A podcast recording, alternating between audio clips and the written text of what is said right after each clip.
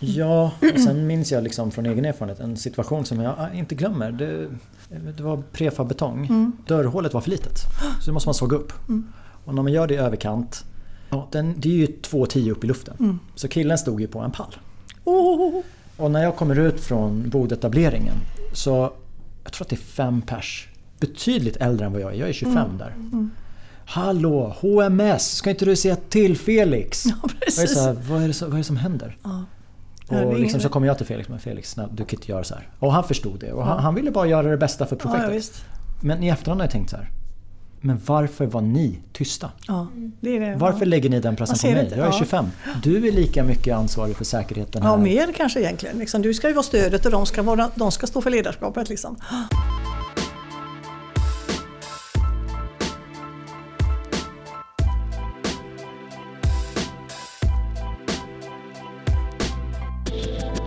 Att det absolut viktigaste på en byggarbetsplats är att alla efter arbetsdagen ska kunna komma hem oskadda tror jag nog att alla som lyssnar på den här podden håller med om. Men trots att vi är överens om att det här är det viktigaste så fortsätter antalet arbetsolyckor inom byggindustrin att öka och under 2021 så stod vi för en femtedel av alla arbetsplatsrelaterade dödsolyckor i Sverige. Vi kan inte fortsätta så här. Min nästa gäst är VD på Håll Nollan som är en medlemsorganisation och som består av ett hundratal medlemsföretag. De har som mål att antalet olyckor på våra bygg och anläggningsarbetsplatser ska vara noll. Och idag ska vi prata om hur de arbetar, status i branschen samt vilka faktorer de har identifierat som viktigast för att få till en förändring. Låt mig presentera Ulrika Dolietis,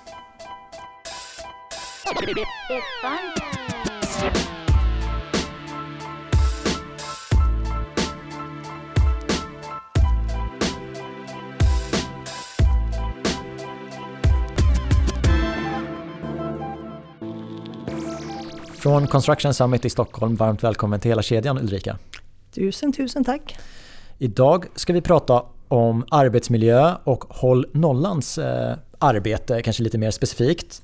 Jag har ju känt till Håll Nollan under ganska många år. Mm. Men om någon frågar mig vad gör Håll Nollan? Så vet inte jag om jag skulle svara rätt på den frågan. Så jag skickar den frågan till dig så att jag lär mig. Men, tusen tack. Jo, vi är en ideell eh, förening som eh, grundades 2017 med aktörer i hela projektprocessen från byggherrar ut till, till entreprenörer och underentreprenörer. Eh, och syftet är att vi ska liksom kommer hem oskadda varje dag i vår bransch. Så vad som gör oss unikt är ju att vi jobbar bara med en enda fråga då, arbetsmiljö och säkerhet. Men vi, till skillnad från arbetsgivarorganisationer då, så har vi liksom med alla aktörer i den här kedjan. Och skulle jag beskriva vår roll så är den ja, kunskapsnav, tycker jag är ett ganska tydligt sätt att beskriva. För vi delar kunskap på seminarier och webbinarier. Vi delar liksom kunskap inom arbetssätt som standarder och guider. Arbetsmiljöpriset som vi nyss delade ut det är också ett sätt att sprida goda exempel. Då, så att, sen försöker vi då vara en liten pådrivare också så våra medlemmar som jobbar i projektprocessen ska ju implementera Håll Nollans standarder och guider så vi brukar fråga liksom hur det går. Och det har vi liksom gjort först via sån, lite, lite sån manuellt och andra gången via en enkät och tanken är att vi gör det här vartannat år. Att fråga liksom Känner ni till våra standarder? Hur går det med implementering? Är det något ni brottas med? Behöver ni hjälp? Och så vidare. Så att vi är både en kunskapsnav men vi vill också vara en liten pådrivare på våra medlemmar. Då. Eh, Du säger att ni bildades år 2017. Mm. Om vi skippar det första året som är ett läroår. Ja. Om vi jämför Håll Nollan 2018 med Håll Nollan 2023. Vad... Ja, det största, det är dels året många fler medlemmar. Det är, det är också så att alla medlemmar kanske har olika behov. Eh, vi har ja, nästan 100 medlemmar idag, kanske 80 av dem jobbar i projektprocessen, andra är leverantörer.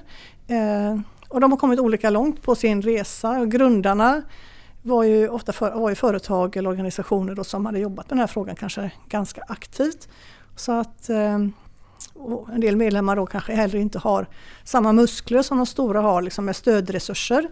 Så nya medlemmar som kanske är lite mindre, eller de har ju kanske en KMA-samordnare då, kvalitet, miljö och arbetsmiljö, som ska hantera många frågor och stötta. De är ganska ensamma så de vill ofta ha någon att bolla med. Det kanske de stora organisationerna har hemma då. Så att hitta någon att nätverka med, dela kunskap med och få lite hjälp av, det är en viktig del. Och just att vi är många fler då så kommer det mer, mer, mer frågor kring vad man vill ha hjälp med. Det där är intressant för jag var inne på er hemsida och kollade på den här fliken där organisationen syns. Mm. Och det är som du säger, det är över 100 medlemmar. Ganska stor skillnad också på medlemsbolagen som du också har nämnt. Mm. Och det tänker jag att det innebär kanske också att man har lite olika prioriteringar på, på vad man vill att ni ska göra. Mm. Hur, hur funkar det arbetet? Jo, men vi gjorde ju ett omtag och tog fram en färdplan som blev klar, jag tror vi lanserade den 2021 och det var utifrån att när vi bildades så, så var, hade vi liksom en avsiktsförklaring, ganska tolkningsbar. Så det var inte sådär jättemycket verktyg och allt eftersom vi växte många frågor dök upp, många viljor och så vidare så jobbade vi igenom Hollands roll och liksom vår strategi då. Eh, mycket, mycket av de här fokusområdena är kvar. Vi bytte från kravställande beställare till engagerad beställare eh, inom ett område. Men, men det är en väldigt bra ja, att ha den här strategin som liksom är genomarbetad. Vi jobbade först med styrelsen och grundarna. Sen involverade vi alla medlemmar som ville vara med i workshops.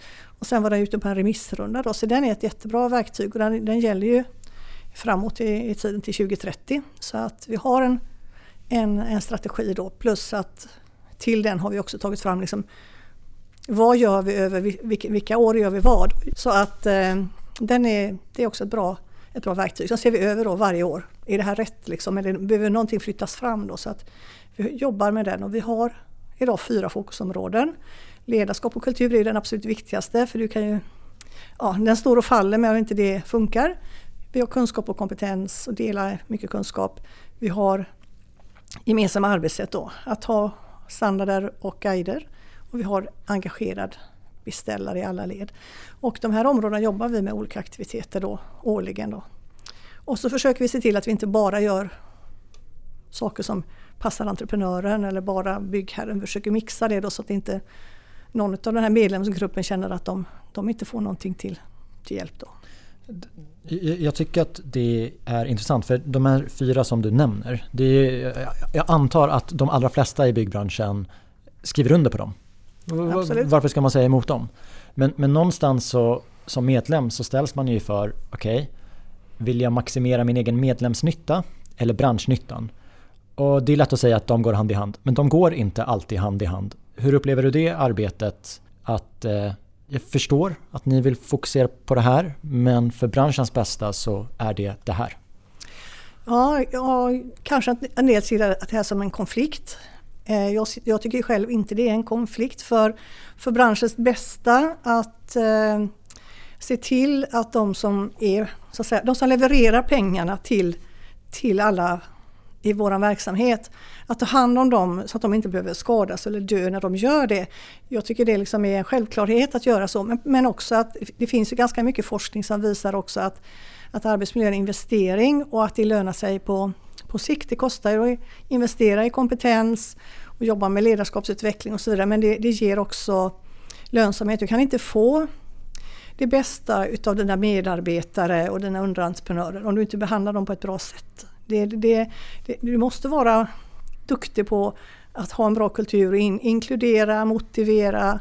Du måste också ha, det driver också ett tydligare arbetssätt för man måste ha, ha lite mer samsyn så man behöver ha bättre rutiner så att det driver också en utveckling som gör att man både får en bättre kultur, en bättre struktur så att det, det leder också sen till pengar men det, det, det dröjer ju så att säga.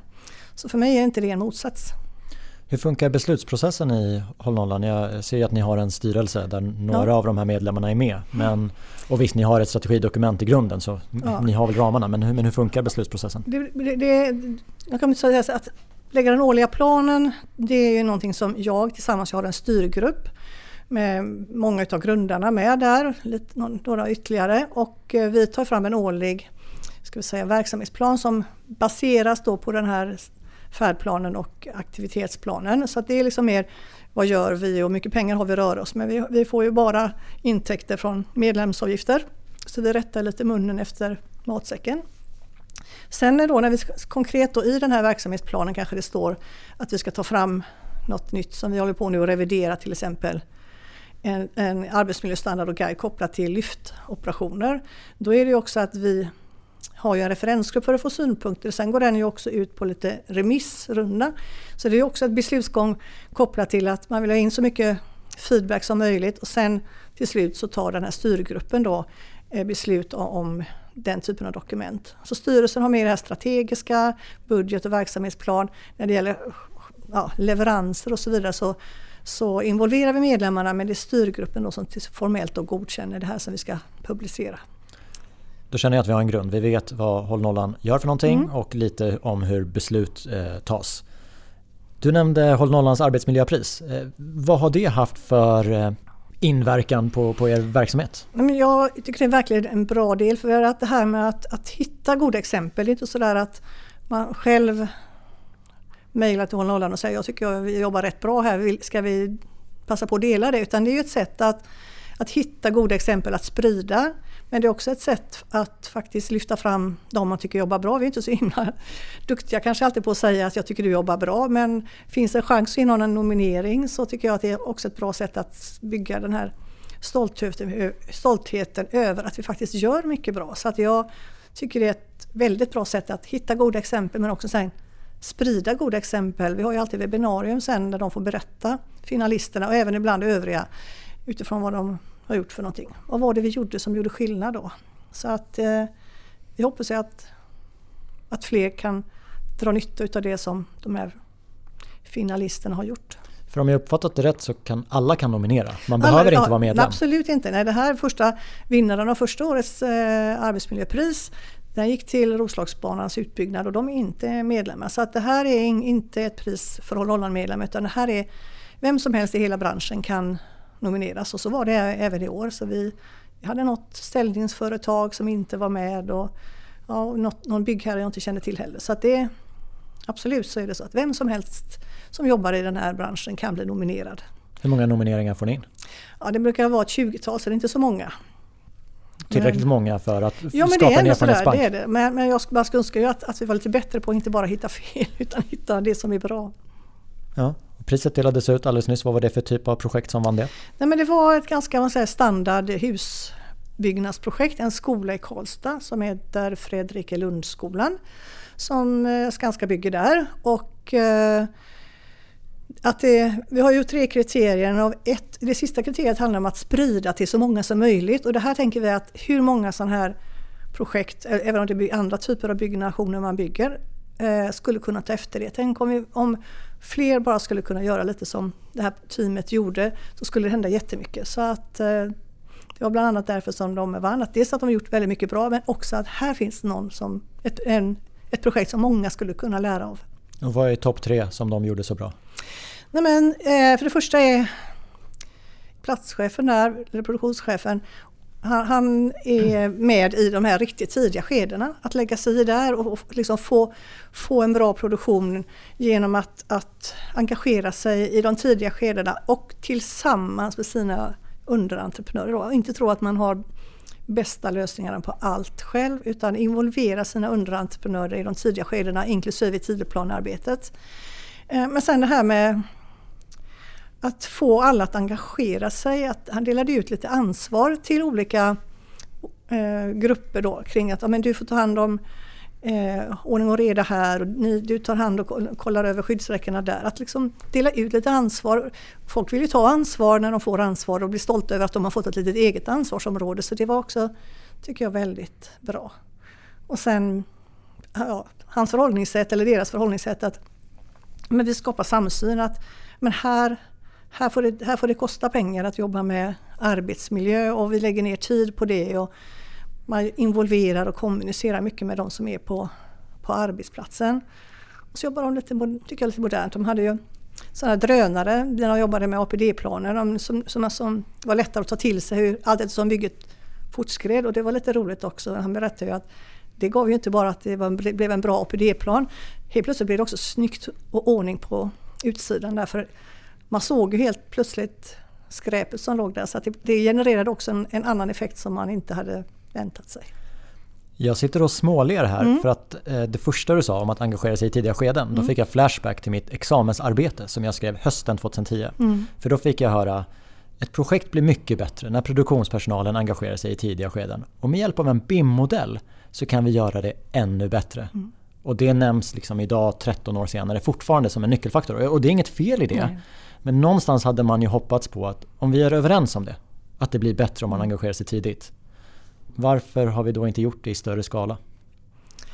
Jag kan ju kommentera faktiskt eh, när vi pratade med han som var chef över produktionschefen så sa han just det att att Anders som person gillar också den planera och jobba i tidiga skeden. Jag, jag, tror att en del av att vi har problem är att vi faktiskt är en bransch som har uppfostrat liksom entreprenörer som är lite fixarfrassar och jag tycker det är lite, de blir nästan lite rastlösa att jobba där i det här tidiga skedet fast de kanske vet att det blir bättre sen. Så det tror jag kan vara en av orsakerna att alla, är, alla klarar inte av i det här att sitta liksom, nästan på lådan och planera och jobba med det här. Så det, det, det kan vara en, en del. Eh, sen vet jag inte, det här, behöver det vara självupplevt innan man måste... Ja, varför kan man inte ta efter det andra? Jag vet inte. Att det, har man själv gjort någonting så går man aldrig tillbaka till det som inte funkade. För jag tror att det de som inte har jobbat i de här tidiga skedena mycket, de kanske inte riktigt tror på det som du skrev i det här examensarbetet. Nej men precis, och det där håller jag nog med om. För när man har upplevt någonting bra själv, ja, men mm. då vill man ju göra på det sättet. Mm. Men jag tycker ändå det är fascinerande när ett bolag eh, kanske till och med skyltar med att de mm. gör bra saker. Mm. Skanska kommer förmodligen skicka ut ett pressmeddelande om att de vann det här priset. Mm. Men det är ingen självklarhet att de gör likadant i projektet på andra sidan gatan. Nej. Och det, tror jag, det tycker jag är ett stort problem. Det är väldigt personberoende tror jag, bland många, många företag. Liksom. Att det är liksom skillnaden mellan den som jobbar, om du ska kalla det mest modernt och minst modernt. Liksom glappet där eh, kanske är konstant men det flyttas hela tiden mot det moderna. Men det kommer alltid finnas eh, liksom en, en, skillnad mellan de som jobbar liksom främst och de som kanske jobbar minst bra. Så Och det kan jag väl lägga till att det här är inte bara Skanska nej, utan det är absolut. nog de flesta byggföretag. Mm. Jag var inne på er hemsida och mm. då snappade jag upp ett citat jag tänkte att vi ska prata om. Så här lyder det. Alla behöver engagera sig och ta ansvar för en god och säker arbetsmiljö genom ett projekts olika skeden. Mm. Och då är det några saker jag tycker är intressant där. Eh, för det finns ju en del utmaningar, tycker jag, när man säger alla behöver engagera sig. Mm. Därför att eh, då är det så lätt att peka, mm. peka på andra. Mm. Att, att, alla behöver engagera sig det är såklart men det betyder, behöver inte betyda att man är otydlig vilka förväntningar man har på de olika olika aktörerna. Så det ena är ju när vi tänker alla, det är att alla aktörer ska vara med. Så inte alla problem landar i produktionen som det kanske har varit liksom tidigare och fortfarande är väldigt mycket. Så att, att som byggherre som längst upp i, i näringskedjan på, att kunna se sin roll och ta ansvar för det här projektet, det, det, är liksom en del. Att konstruktörer och arkitekter också drar sitt strå till stacken, det är också viktigt. Entreprenörer och underentreprenörer. Så det är liksom att få med alla aktörer och inte bara tänka om det är arbetsmiljö, ja men det löser produktionen. Det, det är en, en del. Och sen det här med att skapa engagemang och motivation hos samtliga personer sen, det är nästa steg. Och eh, det är viktigt att att man gör bland de, alla aktörerna, men kanske ännu mer ute i produktionen. Liksom. Där är det personer som kanske, speciellt i husprojekt, som kommer en ganska kort tid. Liksom. Att de känner sig välkomna, blir introducerade, eh, att, man, att man känner att man kan liksom lyfta problem och man blir hörd på och så vidare. Så att det, jag tycker det är superviktigt att man har klara regler men, men också att man känner att här, att här finns det liksom ett, ett, eh, ett stort hjärta för de som, som eh, kommer då. Det här är, vi har inte regler för reglers skull utan vi har regler för att vi vill att det ska bli bättre en arbetsmiljö, mer, mer säkert. Då. Men det betyder inte att alla ska göra samma saker. Jag, jag kan ju gå tillbaka till det här vinnaren här nu. Att faktiskt säga att du gör detta, du gör detta. Man kan fördela ut olika ansvar. Att städa sitt arbetsområde det är, ingår i allas ansvar. Det ska vara dammsugt och klart innan nästa aktör kommer in. Liksom. Det betyder inte att det är otydligt bara för att man delar ut det här ansvaret. Men man måste vara rätt tydlig. Det går inte bara att säga nu ska alla fixa detta och det, nu, nu löser det sig. Utan man måste vara tydlig med vad är bra och vad är inte acceptabelt. Men, men om en person som inte arbetar i byggbranschen lyssnar på vårt samtal mm. och så hör de vad du mm. säger. Om ja, man ska ha en tydlig ansvarsfördelning mm. och så ska vi skapa engagemang. Man ska känna sig välkommen när man kommer till mm. byggarbetsplatsen. Och så ska vi ha regler som är, som är tydliga. Jag tror att den personen kommer tänka så här, okej, okay, vad är problemet? Varför inte göra det här imorgon? Och det är ju, tycker jag, intressant. Därför att så kan jag också uppleva att när vi pratar om arbetsmiljö, det, det är ju en balansgång. För det kan tyckas väldigt lätt att införa de här sakerna men ändå kanske det inte är så. Så då tänkte jag fråga dig, vilka nyckelfaktorer identifierar du som absolut viktigast för att lyckas med de här enkla sakerna? Och nu gör jag tecken med mm. fingrarna. Eh, det viktigaste är ju att eh, de här rutinerna och reglerna man har verkligen upplevs att de skapar värde. Liksom. Det, är, det är det viktigaste. Att du, att du rannsakar dig själv och tänker vad är, vad, hur ska jag ha det? Och att man är liksom tydlig med vad som, vilka regler som gäller. Det får inte vara eh, säga, regler som uppfattas som vi har reglerna för reglernas skull. Utan det måste, vara, måste finnas en form av rättvisa här att, att man, man, har bra regler som, som, som lönar sig.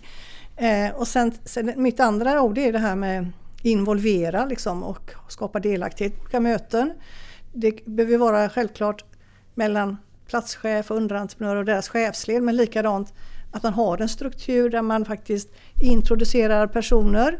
Eh, att man har morgonmöten där personer kan faktiskt också lyfta sin röst eller man kan passa på att säga att idag, idag eh, kommer det bli väldigt blåsigt så idag behöver ni som har material ute säkra upp det. Den här kommunikationen behövs eh, för att jag måste förstå varför jag ska göra en, en viss sak. Så att, eh, där man har byggt upp, byggt upp en struktur också med bra kommunikation och dialog. Där man också tar personer som ser någonting som är fel. Att man faktiskt dels välkomnar att någon har lyft att det är ett problem. Men de ser också att, jaha, när du kommer till mig och säger det här att det är så himla mörkt i det hörnet. Liksom vi, det är jättedålig belysning så vi ser väldigt dåligt. Det är risk att snubbla. Två dagar senare så sitter det en strålkastare där och så har du berättat på morgonmötet att ja, Nima han kom till mig och sa att det var dålig belysning. Det var jättebra att han rapporterade det men nu sitter en lampa där. Fortsätt. Är det något annat ni ser här som är problem så välkomnar vi det. Och kan man inte lösa det för att det är ett väldigt svårt problem då säger man också att jag har ingen lösning på detta. Jag har försökt liksom, men jag kan inte göra detta utan då måste jag, är det någon som har några idé på hur vi kommer till rätta med det? Så den här involveringen och visa i handling att du faktiskt, du faktiskt eh, välkomnar när någon lyfter ett problem. Men sen det sista tänker jag det är ju också att med dialog och kommunikation så kan du nog, jag har haft ganska många sådana samtal med när jag ser att någon jobbar riskfyllt så når man kanske i alla fall 98 procent så är alla överens om att, precis som du nämnde inledningsvis innan vårt samtal här, att man ser något som är farligt. Så ja, men vad bra att du sa till. Liksom, alla är överens om, om det. Det är viktigt dels att alla i produktionsledningen liksom reagerar så det inte blir att en ska vara den här tjattanten eller tjatfabron. Att den som har lägst tolerans blir väldigt jobbigt. Så att man pratar ihop sig att, och att alla har samma eh, reagerar på samma sätt och avbryter farliga jobb men också uppmuntrar bra. Sen kan det ju vara så att någon gång misslyckas man med den här kommunikationen. Jag säger misslyckas för jag tycker inte det är dit man vill. Men då behöver du också ibland avvisa personer och säga att det här är inte okej. Okay, eller man ger någon en skriftlig varning och sen får man kontakta chefen att nu har jag försökt här så här många gånger men vi når inte fram och jag tror att den här personen kanske hellre skulle vara på en annan arbetsplats då. Så att det, vid vägs ände behöver man även göra den, den typen av samtal som inte är så kul. Men det där är intressant för jag har tänkt på det där väldigt många gånger själv. Jag har ju också jobbat på ett stort byggföretag och då var det väldigt viktigt att ja, men när medarbetarna förstår varför vi har regler, då kommer de följa dem.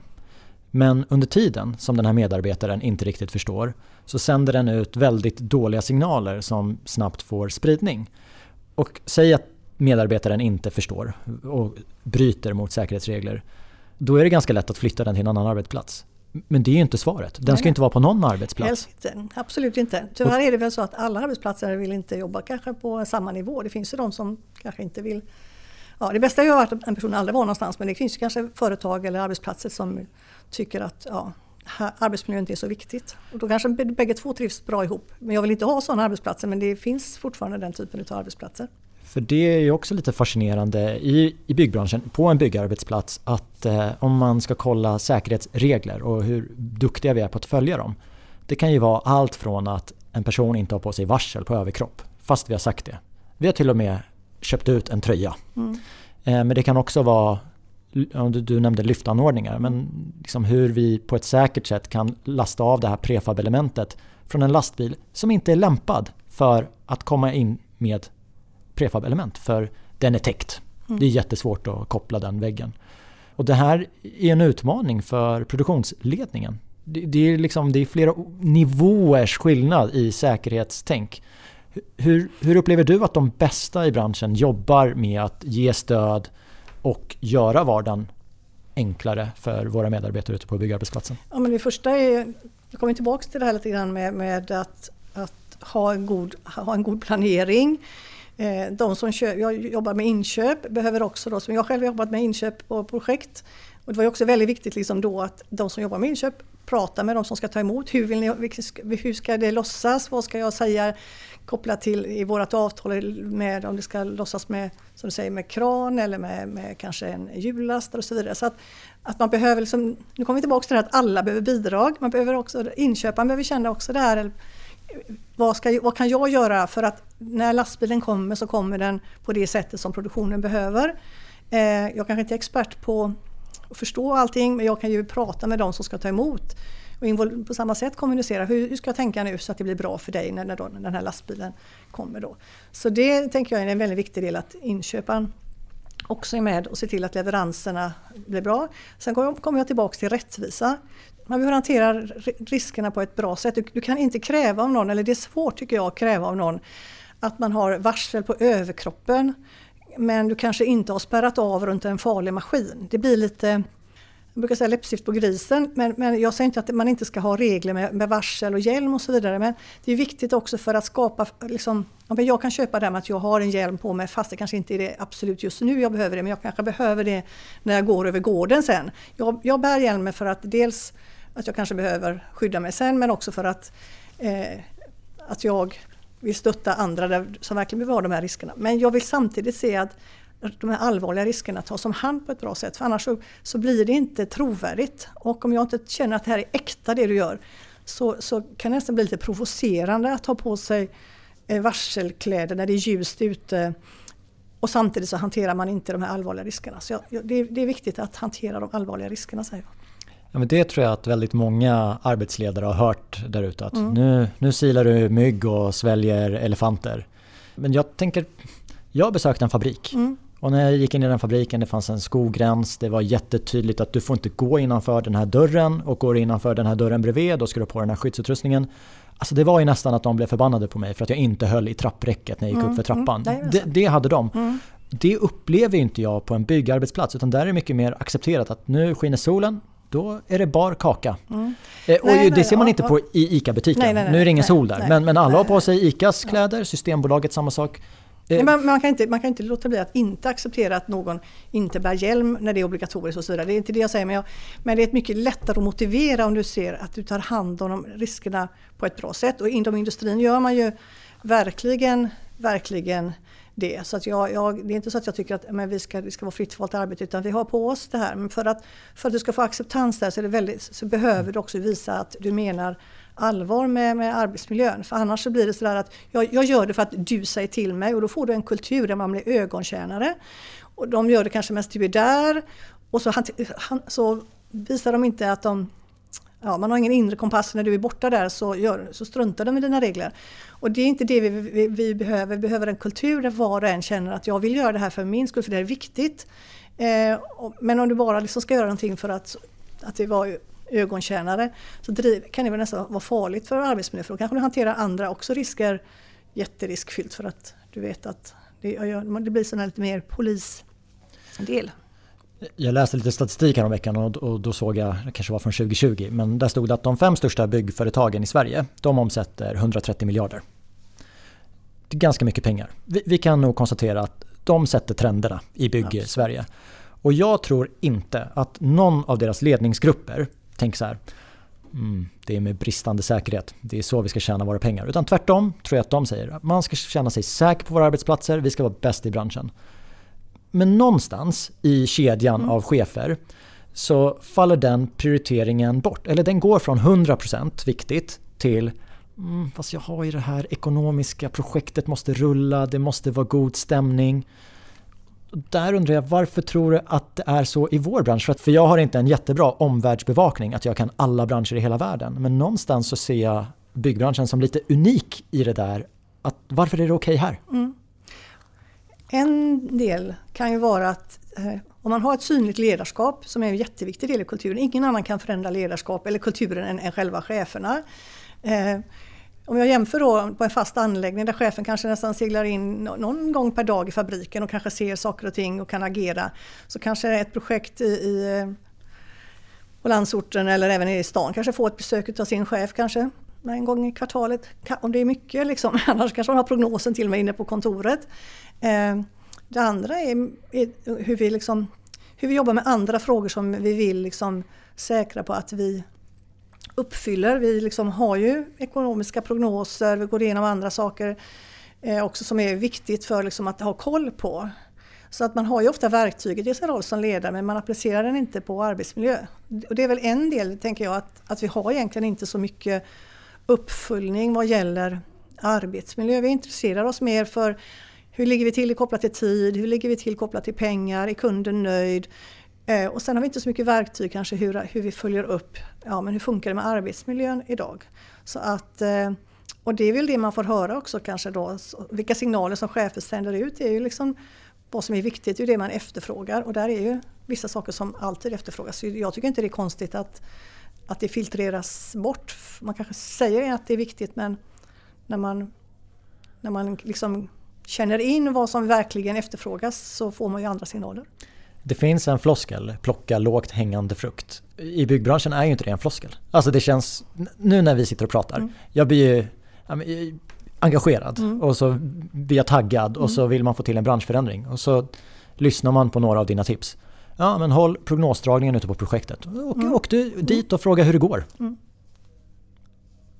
Ja, alltså varför inte? Nej, jag tycker inte heller det går konstigt. Jag kan säga när jag började som projektingenjör på ett bygge så då kom, det hette ju arbetschef på den tiden, då kom arbetschefen ut varje månadsmöten där man gick igenom olika delar. Det var både liksom självklart det andra vi pratade om, tid och ekonomi och, och, så vidare och även andra frågor som, som var aktuella då. Det var kanske inte så på ropet, detta är ju på 90-talet då med arbetsmiljö, men det var ändå så där att chefen åkte ut en gång per månad och hade månadsmöte och det tror jag liksom är väldigt bra för man, man får ju också liksom en bra dialog med sina, sina medarbetare. Det kan ju vara andra saker, det kanske någon man kanske också behöver stämma av, liksom, har man gett för, rätt förutsättningar som chef? Liksom, de kanske har egentligen kanske på för lite bemanning eller någon oerfaren arbetsledare som de behöver någon mer. Så att man får ju också reda på massa andra saker som man behöver ta tag i som kanske också kan se till att för det här projektet blir ett bra projekt. Så det här med att vara ute på, på arbetsplatserna och avsätta tid för det, det tycker jag är, skulle vara jättebra när man lyssnar till arbetsmiljödebatten, eller mm. samtalet är väl en bättre beskrivning för alla är väl överens om att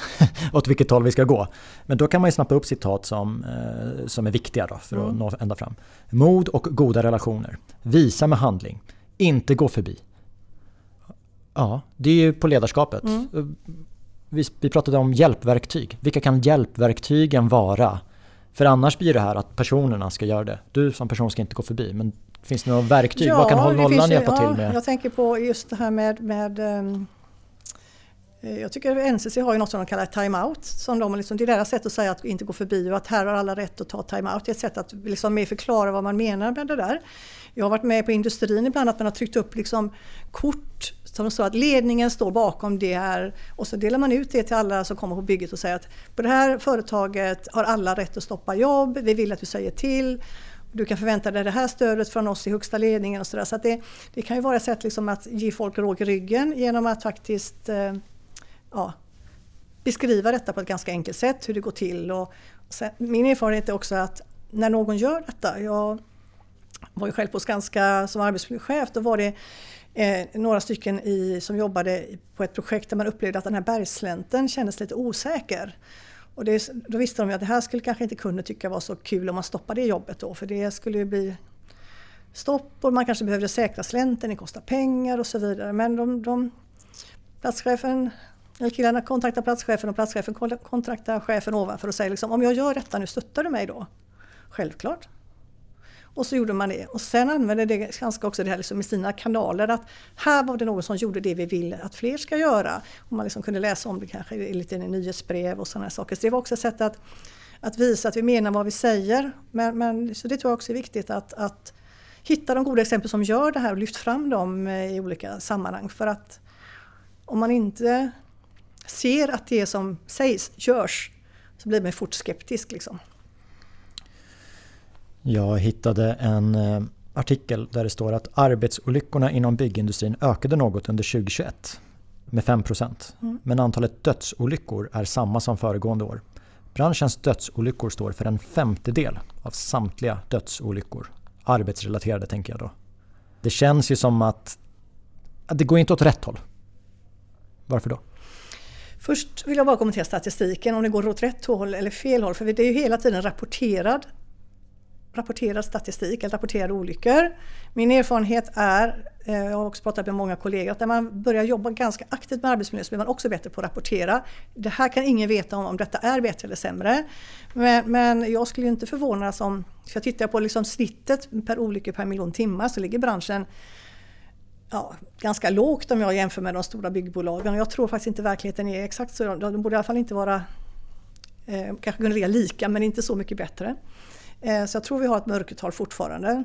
Men, men kring statistiken så, så ser jag, eh, om vi tar dödsolyckorna först, så är det det här att eh, jag ser många medlemmar som, som jobbar med de här frågorna som alla känner av. Man känner av i sin rygg att kanske och axlar att man har ont. Det är, man kanske har vibrationsskador själv eller kollegor har, det är dammigt.